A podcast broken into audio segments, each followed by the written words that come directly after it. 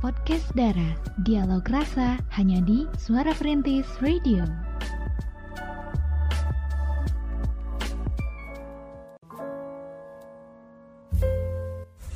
Sembilan tiga poin satu FM Radio Suara Perintis My City My Radio Jekrem luar biasa. Assalamualaikum warahmatullahi wabarakatuh. Selamat malam pemerhati semuanya. Gimana kabarnya di malam hari ini? Semoga pemerhati masih pada semangat. Ketemu lagi nih di acara Podcast Dara Dialog Rasa Malam hari ini barengan sama Via. Kay Cira. Dan juga kita bakal temenin pemerhati sampai tuntas pukul 9 malam ya By the way nih ciwi-ciwi kita mau bahas apa sih malam ini? Kita mau bahas tentang Duck Syndrome Duck Syndrome Duck Syndrome Iya hmm, Pastinya bebek Bukan dark ya Iya Iya, pasti pemerhati di rumah nyangkanya dog syndrome gitu ya. Iya. Padahal bukan ini duck bebek gitu ya. Bebek. Iya. Nah, kwek Wek wek Apa tuh Duck Syndrome? Karena belakangan ini kan juga lagi rame nih pemerhati di TikTok Mungkin ya lagi viral di Twitter juga banyak yang bahas tentang Duck Iya. Syndrome. Sebenarnya apa sih Duck Syndrome ini? Apakah orang yang tingkahnya mirip bebek gitu ya? apakah kelakuannya ataupun uh, Cara wajahnya mirip ya, cara jalannya bebek? Nanti 93.1 FM. Jadi ada seorang ataupun kita nih yang relate dengan Duck Syndrome, kayak dari luar tuh tenang banget gitu ya. Oh, nih orang tenang gitu ya. Heeh, selalu bahagia, selalu chill gitu ya hidupnya karena dia misal karena dia lempeng misalnya ya, dia tidak pernah merasakan yang namanya sakit hati. dia selalu bahagia pokoknya gitu ya. Tapi ternyata pemerhati plot twistnya adalah dia punya segudang kekhawatiran yang gak kelihatan. Hmm. Pernah nggak Cir ketemu temen yang kayak gitu? Eh pernah gitu ya. Ya pastinya eh ini juga aku ada sedikit sedikit sih ya gitu mengalami gitu ya. Walaupun gak full tapi ada gitu ya. Tapi mungkin Anda pun di rumah yang lagi eh, nyimak acara ini eh, mungkin pernah juga ya merasakan eh, namanya Duck syndrome ini. Cuman mungkin ada yang eh, tidak apa namanya? tidak tidak, tidak, tidak diketahui ya tidak ada serasa gitu ya seperti itu oke jadi intinya untuk Duck syndrome ini eh apa pun itu untuk anda ya yang pernah mengalami ataupun sedang menjalani gitu ya ataupun eh Sedang apa? sedang sedang ya pokoknya untuk anda yang sedang menjalani sabar-sabar aja ya Eh, pasti ada jalan keluarnya dan juga mungkin ada hikmahnya di balik Duck syndrome ini gitu ya Mm-mm, seperti itu ya. Kalau Oke. Kay pernah nggak nih ketemu orang ataupun temen yang punya Duck syndrome nih kira-kiranya? Sering banget ya Ng- nggak tahu kenapa ya Mungkin circle-nya Circle orang-orang banyak pikiran kali ya. Enggak deh. Orang-orang Duck syndrome. Duck syndrome gitu ya. Tapi mm, eh, apa sih sering sih ketemu dan punya temen yang seperti itu ya.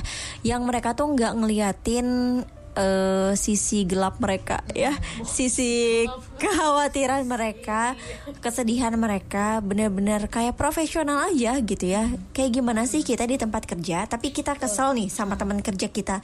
Tapi kita nggak bisa kayak ngeliatin gue kesel sama lu gitu. Nggak bisa kan kayak secara gamblang ngeliatin. Tetap tetap profesional aja walaupun kita kesel sama dia gitu. Nah sama seperti halnya Duck syndrome nih ya. Jadi untuk Kay sendiri sering banget ya ketemu sama temen yang eh, ada di zona dark eh dark dark syndrome ini. Kelihatannya dia tuh kayak eh, happy terus juga eh, loyal banget sama kita gitu ya bener-bener care sama kita. Tapi padahal di belakangnya dia itu menyimpan menyembunyikan segudang kesedihan Iya, segudang rahasia yang kita nggak tahu ya dia punya masalah apa gitu dan eh, dia nggak mau nge-up ke publik dan nggak mau ngeliatin kalau dirinya lagi sedih, kalau dirinya lagi bener-bener kesal sama orang. Tapi menurut Kay sendiri sih itu adalah Duck syndrome ini adalah sebuah pilihan ya. Jadi kita bisa apa ya? Kita bisa kita bisa memilih ketika kita punya masalah kita mau cerita, mau nge-up ke publik atau tidak gitu atau menyimpannya hanya menyimpan di dalam pikiran kita gitu ya. Hmm, sering sih ya. Pokoknya intinya sering ketemu teman yang kayak gitu, punya tem punya sahabat yang seperti itu bahkan di keluarga sendiri ya ada ya yang yang kayak gitu. Jadi mereka kayak nggak mau mem- memperlihatkan masalah mereka kesedihan mereka gitu. Yang padahal di belakangnya mereka itu lagi kenapa-napa gitu sih. Twist ya. Plot twist bener-bener bener Oke, seperti itu pemerhati ya. Ternyata kita kita juga lumayan sering nih ketemu orang-orang yang dark syndrome itu tadi gitu kan. Karena ternyata eh, fenomena ini tuh sering ditemukan di antara kita gitu ya. Nah, kalau misalnya pemerhati wondering tentang dark syndrome, ini tuh sebetulnya bisa diartikan lebih ke kondisi gitu ya. Kondisi seseorang di mana dia tuh kelihatannya bersemangat, dia kelihatannya tenang dan juga nikmatin hidupnya banget gitu. Kayak hidupnya nih sempurna perfect gitu ya. Tapi sebenarnya dia itu punya banyak tekanan yang dia sembunyikan gitu apakah pemerhati salah satunya? Semoga sih enggak ya karena bagaimanapun juga ini sindrom sindrom itu penyakit jadi kayak kita jangan sampai deh pemerhati. Nah istilah dark syndrome ini pertama kali itu dikenalin sama Stanford University gitu di mana banyak mahasiswanya yang kelihatan bersemangat gitu ya tapi punya banyak tekanan. Kayak para mahasiswa nih hahaha hahaha takut sidang gitu kali ya. Terus dia tuh kayak punya tekanan yang banyak. Misalnya kayak harus menuhin ekspektasi orang tuanya harus berusaha dapetin nilai bagus terus juga pengen cepat-cepat lulus kuliah dan lain-lain gitu ya. Ini kayak relate banget sih kayak waktu Pia masih kuliah emang sih di kampus tuh hahaha hihi gitu ya. Tapi sehahaha hihinya juga kita kayak hihi hihinya tuh kayak mana sih hihi gitu Ininya tuh menangis gitu. hihinya tuh menangis. Hanya ketawa hihinya menangis. Nah istilah ini juga muncul dari filosofinya ya. Dari bebek yang kelihatannya tuh tenang di permukaan gitu dia tuh benar-benar enjoy the life berenang dengan santainya. Padahal pas kita lihat kakinya kakinya itu mendayung dengan sangat keras supaya dia bisa tetap ngapung gitu ya ataupun bisa tetap ngambang gitu. Jadi dia nggak tenggelam. Kelihatannya kan nyantai banget ya. Iya. kayak kita nih kalau misalnya nonton Barbie ya Swan Lake. Swan Lake kayak aduh anggun banget gitu ya. Bebek angsa yang di danau tuh anggun banget. Tapi kalau kita lihat bawahnya aduh rusuh ya gitu. Nah itulah pemerhati filosofinya ya. Nah kalau misalnya pemerhati merasakan dark syndrome ini gitu ya. Dan pemerhati pengen memastikan apakah betul kita ini dark syndrome atau bukan.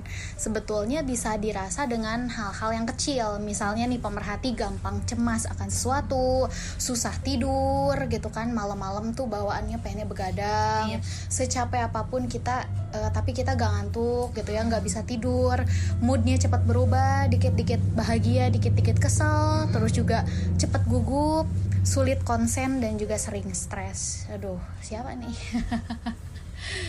yang pasti bukan Pia, tapi sebagian Pia gimana dong? ada lah ya, ya. Hmm, ada juga sebagian Iya, tapi sebetulnya ya ini semua tuh nggak ditampilkan sih. Jadi orang tuh ngelihat dia ya baik-baik aja, malah dia tuh seperti pribadi yang sangat bersemangat gitu.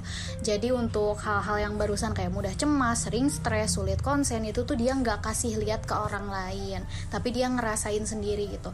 Nah ada juga nih pemerhati penyebab seseorang mengalami dark syndrome. Ternyata penyebabnya itu lumayan banyak, nggak cuma karena kecapean ataupun stres ataupun karena apa gitu ya Yep. bisa dimulai dari pola asuh helikopter juga nih di mana orang-orang ataupun orang tua itu tuh fokus banget sama anak dan juga mantau gerak-gerik anaknya setiap waktu. Jadi kayak anak-anak ini nggak pernah dikasih pilihan untuk melakukan apa yang mereka mau.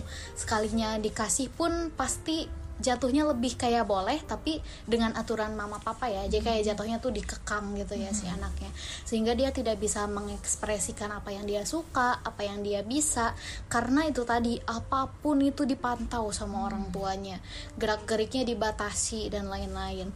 Terus juga penyebab yang kedua itu bisa dari tuntutan akademis yang terlalu tinggi. Misalnya nih zaman sekarang kan selalu ada beasiswa ya. Di mana-mana tuh ada beasiswa. Nah cara buat anak-anak ini bisa dapat beasiswa ataupun mempertahankan beasiswanya itu salah satunya biasanya dari IPK. Iya. IPK-nya itu harus tinggi misalnya di atas 3,5. Nah, saking ngejar IPK di atas 3,5 tiap semester dia stres. Tiap semester dia perpanjang misalnya perpanjang beasiswa berhasil, berhasil di atas 3,5 tapi dia tetap stres karena harus mempertahankan 3,5 ini untuk semester berikutnya supaya dia bisa lanjut beasiswa gitu. Jadi setiap hari dia tuh selalu stres sebetulnya walaupun di kampusnya hahaha gitu kan ya. Terus juga bisa jadi penyebabnya itu yang ketiga yaitu mendapatkan ekspektasi terlalu tinggi dari sekitarnya. Misalnya nih anak pertama, cucu pertama laki-laki waduh udah paling paling wah gitu. paling apa ya tanggung jawabnya Iya. gede gitu ya jadi otomatis nih biasanya yang anak pertama cucu pertama apalagi anak laki-laki dia itu selalu mengemban ekspektasi orang tua yang terlalu tinggi gitu kan ekspektasi keluarga yang terlalu tinggi belum lagi kalau keluarganya ini konglomerat. Gitu ya. kayak harus mempertahankan kekayaan orang tuanya gitu kayak terbebani banget. Itu juga bisa jadi penyebab dark syndrome pemerhati terus juga yang keempat low self esteem jadi kita tuh kurang bisa apa ya menghargai diri sendiri gitu kali ya. Minderan bawaannya ah dah kita mah apa tuh ah dah kita mah nggak bisa Nggak ah kita mah nggak cantik dan lain nggak pinter dan lain-lain. Pokoknya low self esteem kayak dia tuh benar-benar nggak percaya diri dia merasa tidak bernilai. Terus juga untuk penyebab yang kelima bisa jadi dulunya itu pernah ngalamin kejadian yang traumatik gitu ya. Heeh, Jadi dia tuh jatuhnya lebih ke trauma gitu ya. Trauma dan akhirnya jadi punya dark syndrome. Terus juga yang keenam sosial media bisa jadi nih yang nekenin pada kesempurnaan. Kayak sering banget ya kita eh, ngelihat Instagram terus ngelihat artis yang kita suka. Sofia Lacuba misalnya aduh punya anak udah gede. Berapa anaknya tuh Sofia Lacuba? Satu. Satu ya.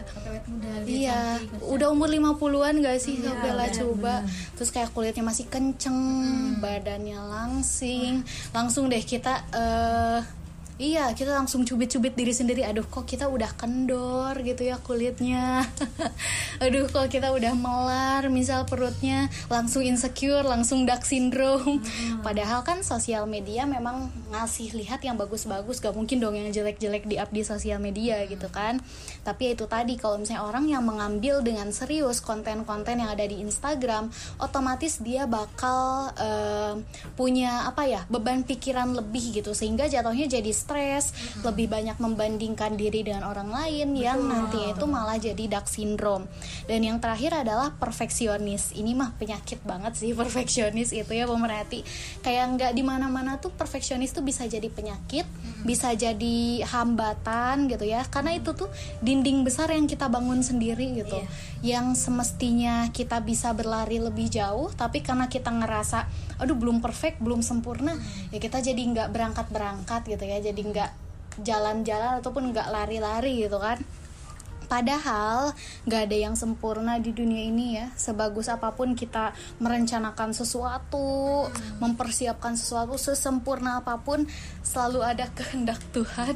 Di mana eh, pasti aja nih gitu ya Ada aja yang kita rasa kurang. Jadi mau sampai kapan gitu Kalau misalnya kita ngandelin perfeksionis gitu. Jadi jangan sampai pemerhati eh, Menjadi orang yang kelewat perfeksionis yang akhirnya bikin pemerhati itu nggak bahagia gitu karena ada dark syndrome ini gitu ya. Intinya sih pemerhati kerja keras itu perlu ya tapi kalau misalnya pemerhati mau komunikasiin dan ngekspresin perasaan-perasaan yang kita rasakan itu juga perlu. Jadi jangan sampai semuanya kita tutupin semuanya kita pendem dan malah jadi penyakit di dalam diri kita.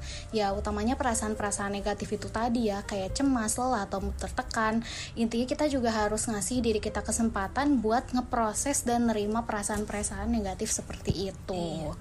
Kayak gitu ya. Semoga bisa bermanfaat nih definisi dari dark syndrome-nya gitu. 93.1 FM. dark syndrome. Jadi udah ada yang masuk juga nih curhatan.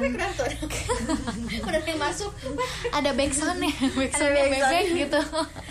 Jadi ini ada yang masuk nih pemerhati ya. Eh, bukan bebek yang masuk ya. Bukan.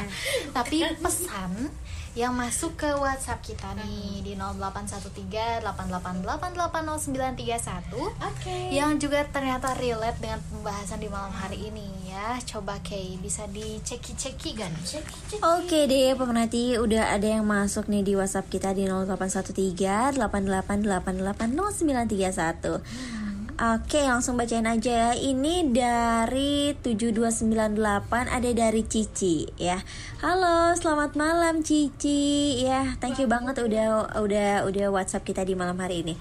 Oke gini kak. Aku Cici umurku 25 tahun Dan aku pengen share terkait eh, tema pembahasan di malam hari ini tentang Dark Syndrome yang benar-benar relate banget sama kehidupan aku. Nah, aku tuh sekarang lagi ada di fase Dark Syndrome di mana aku banyak memaksakan diri untuk terlihat baik-baik saja dan bahagia, tapi panik diam-diam sih kak gitu ya. Dan apa ya, aku tuh kayak selalu ngerasa gagal untuk memenuhi tuntutan yang berlebihan kepada seseorang. Mau itu di kantor mau itu di rumah di lingkungan keluarga atau di lingkungan pertemanan. Dan apa ya aku tuh kayak ngerasa orang lain tuh nasibnya kayak lebih baik gitu ya dari diri aku sendiri. Dan aku tuh sering banget ngebandingin diriku sendiri sama orang lain dan eh, akhir-akhir ini tuh aku tuh merasa apa ya susah tidur pusing dan susah banget buat fokus ngerjain suatu hal. Ya bisa dibilang aku tuh susah banget untuk konsentrasi lah ngerjain beberapa hal yang udah aku list gitu.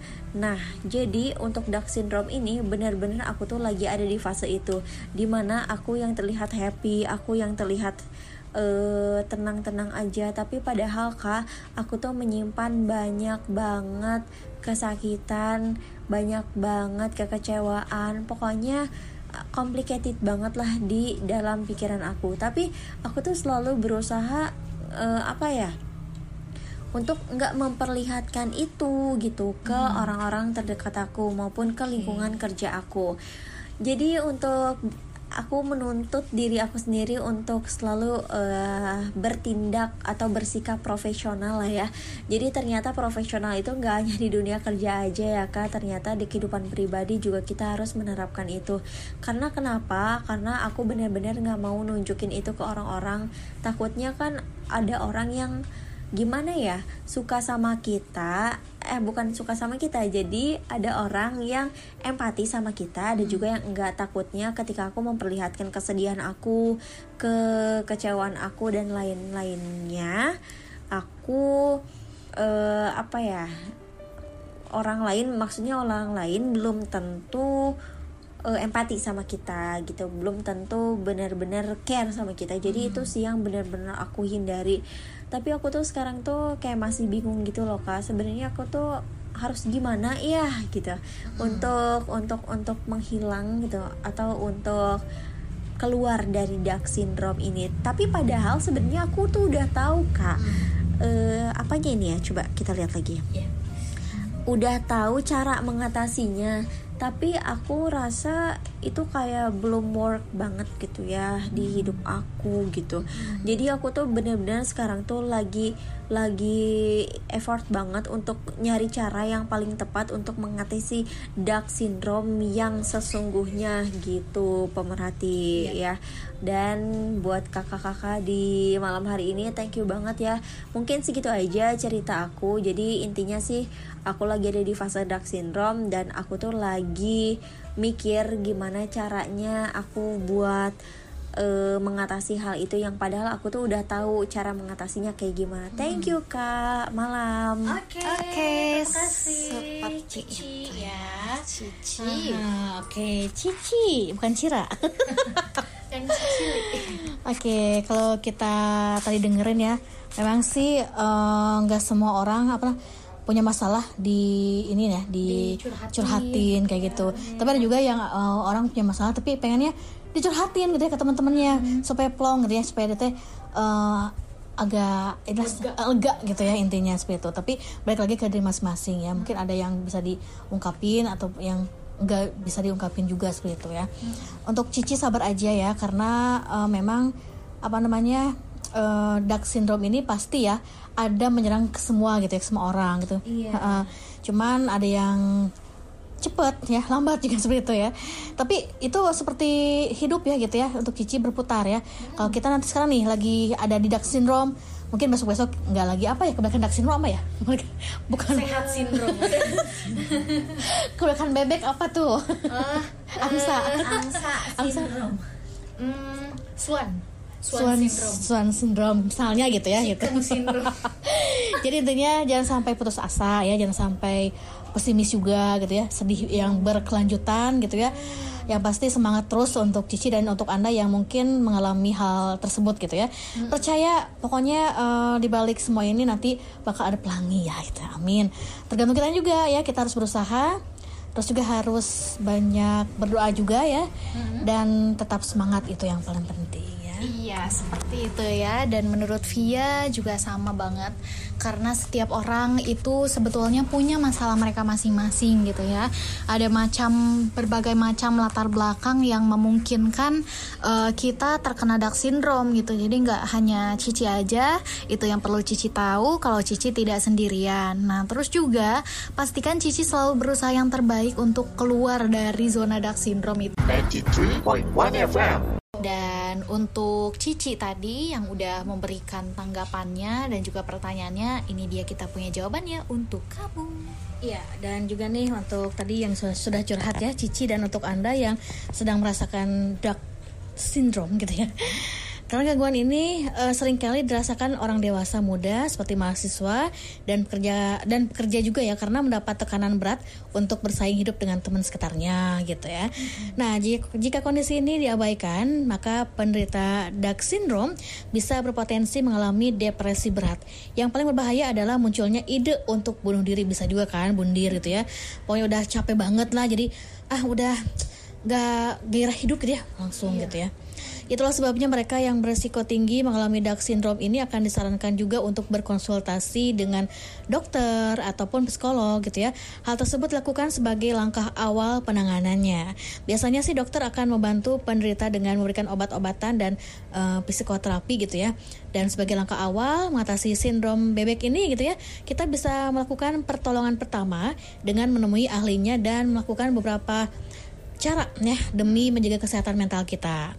Nah, di antaranya kita harus belajar mencintai diri sendiri ya, itu yang paling penting. Terlebih dahulu eh, kita cintai diri sendiri, maka dengan kita mencintai diri sendiri gitu ya, eh, apa namanya keinginan bundir nggak akan ya akan terjadi gitu ya seperti itu. Kemudian juga ketahui dan kenali pa- kapasitas diri kita agar dapat menyelesaikan pekerjaan sesuai dengan kemampuan yang kita miliki. Manfaatkan juga pembimbing akademik ataupun eh, konselor di tempat belajar sebagai langkah awal mencegah terjadinya depresi. Kemudian juga jangan terlalu memporsir diri ya. Jadi kita harus meluangkan waktu untuk me time ataupun relaksasi untuk mengurangi kecemasan dan stres. Apalagi kita sedang cemas-cemasnya gitu ya, sedang stres-stresnya. Healing, healing, healing itu diperlukan ya. Walaupun hanya sebentar me time-nya gitu ya, tapi itu sangat eh, mempengaruhi ya kondisi kita gitu. Kemudian juga jika merasa media sosial sudah terlalu toksik gitu ya, coba deh untuk jauhkan ya untuk beberapa waktu dan lakukan hal-hal lain yang lebih positif gitu. Jadi eh, kita menjauhkan medsos yang mungkin kita anggap toksik gitu ya. Jadi kita jauhkan dulu, eh, kita coba hal-hal yang lebih positif misalnya dengan eh, meng apa ya?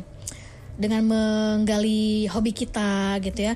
Misalnya hobi kita nyanyi bisa gitu ya ataupun hobi kita apa ya? Hmm, Shopee? Bisa bisa tuh bisa juga gitu. Jadi ya? Daripada kita eh, diganggu dengan media sosial yang mem- membuat kita toksik gitu ya. Nggak apa nggak masalah juga gitu. Kemudian juga belajar mengubah mengubah pola pikir kita menjadi positif. Nah mulai dari berhenti membandingkan diri kita dengan kehidupan orang lain gitu. Jadi biarlah orang lain gitu ya kita kita orang lain orang lain ya. Tapi memang sih kadang kita suka ini juga ya suka eh, membandingkan juga gitu ya. Kok dia gitu ya? Kita gini. wajar wajar normal ya wajar. Tapi kita jangan terlalu full ya gitu dengan membanding-bandingkan diri kita dengan orang lain gitu ya. Kemudian juga jalani gaya hidup sehat dengan mengkonsumsi makanan sehat dan bergizi seimbang rutin berolahraga serta menghindari rokok nih dan minuman beralkohol gitu ya. Jadi intinya ya yang positif positif aja gitu ya. Oke. Eh, yang pasti pemerhati suara perintis kota Sukabumi di mana pun anda berada kap, eh, perlu nggak sih kita ke dokter gitu ya kalau kita mengalami Dark syndrome perlu tapi kapan sih waktunya gitu ya nah persaingan hidup baik dalam urusan akademik maupun pekerjaan memang menjadi bagian ya dari kehidupan yang tak bisa dihindarkan Meski begitu, meski begitu persaingan hidup kita bukan berarti kita bisa mengabaikan kesehatan mental.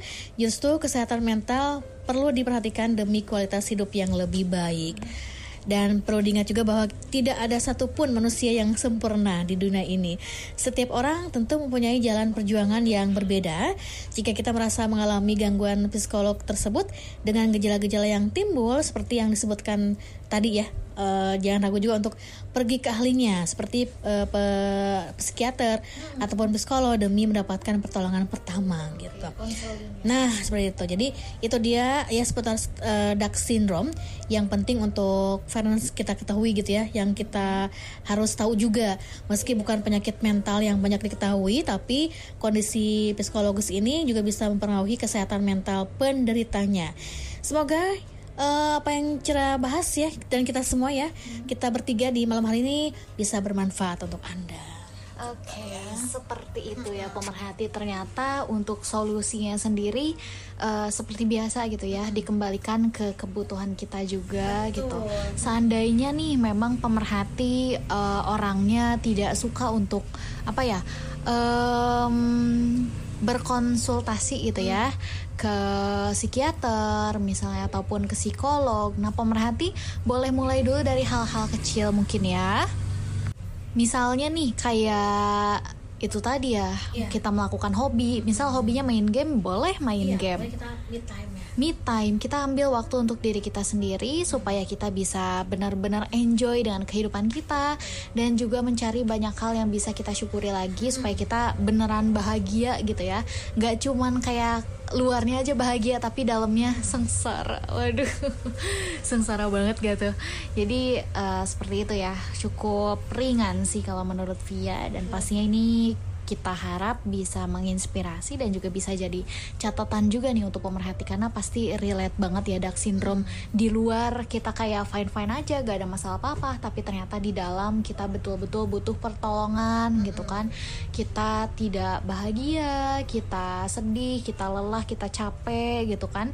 Nah itu nggak ada salahnya sih pemerhati. Ya yang harus kita mengerti adalah kita harus sayang sama diri kita sendiri. Betul, nah itu jadi dia. jangan sampai kita berlama-lama ada di fase dark syndrome. Seperti itu ya kalau Iya, menurut Kay gimana nih Oke, pemerhati. Kalau menurut aku sendiri ya, untuk mengatasi dark syndrome ini itu balik lagi ke diri kita ya. Wah, jawabannya emang mutlak banget ya. Jawaban template sebenarnya sih itu ya.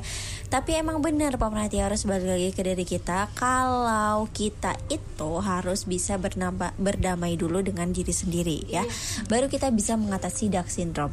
Kalau misalnya pemerhati nih eh, dapat masukan dari sana sini gitu ya. Dapat pencerahan dari sana sini. Tapi kok nggak nggak nggak bisa terrealisasi karena itu berarti mungkin aja ada yang salah di, di diri kita. Kita yang belum bisa untuk eh, berdamai dengan diri sendiri untuk mengatasi dark syndrome ini. Jadi intinya sih dengan dark syndrome yang pemerhati alami sekarang ini pemerhati harus berdamai dulu dengan diri sendiri. Walaupun ya eh, misalnya yang toksiknya tuh ya dari luar gitu ya pemerhati ya. Tapi tetap kita harus introspeksi lagi. Siapa tahu ada yang salah dari diri ada ada yang salah dari diri kita. Jadi kita harus berdamai dulu dengan diri sendiri dengan menelaah lagi lebih dalam. 93.1 FM.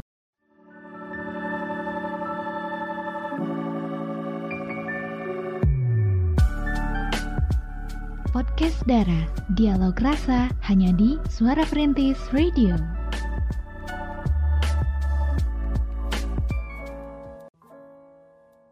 sembilan 93.1 FM Radio Suara Perintis. My City My Radio Jekrem luar biasa Oke pemerhati semuanya, thank you banget ya untuk untuk pemerhati yang udah pada stay tune di podcast Dara malam hari ini. So sekarang udah hampir pukul 9, ini saatnya kita harus pamit ya dari podcast Dara. Dan juga udah banyak juga nih kita bahas banyak hal tentang dark syndrome. Yang pasti kita ber- harap eh, kontennya ini bisa bermanfaat dan menginspirasi pemerhati Iya, semuanya. betul sekali. Dan- Jadi jangan sampai eh, lupa juga untuk anak semuanya yang sedang dark syndrome harus mencintai diri sendiri itu aja gitu ya. Jadi dengan mencintai diri sendiri semua akan buyar ya, semua akan hilang dark syndrome-nya. Iya gitu ya. benar benar benar banget pemerhati dan yang paling terpenting yang Kay bilang tadi kalau kita tuh harus bisa berdamai dulu buat diri sendiri untuk ngatasin dark syndrome ini. Karena ini tuh masalah psikologis ya. Kalau masalah psikologis ini pasti butuh penyelesaian yang sangat mendalam gitu ya. artinya harus detail gitu ya eh, step by stepnya tuh. Karena kalau segala sesuatu yang udah menyentuh ke psikologis kita pastinya itu kita nggak bisa menyelesaikan dengan sembarangan ya. Ada cara-cara tertentu ada treatment-treatment tertentu untuk mengatasi ini.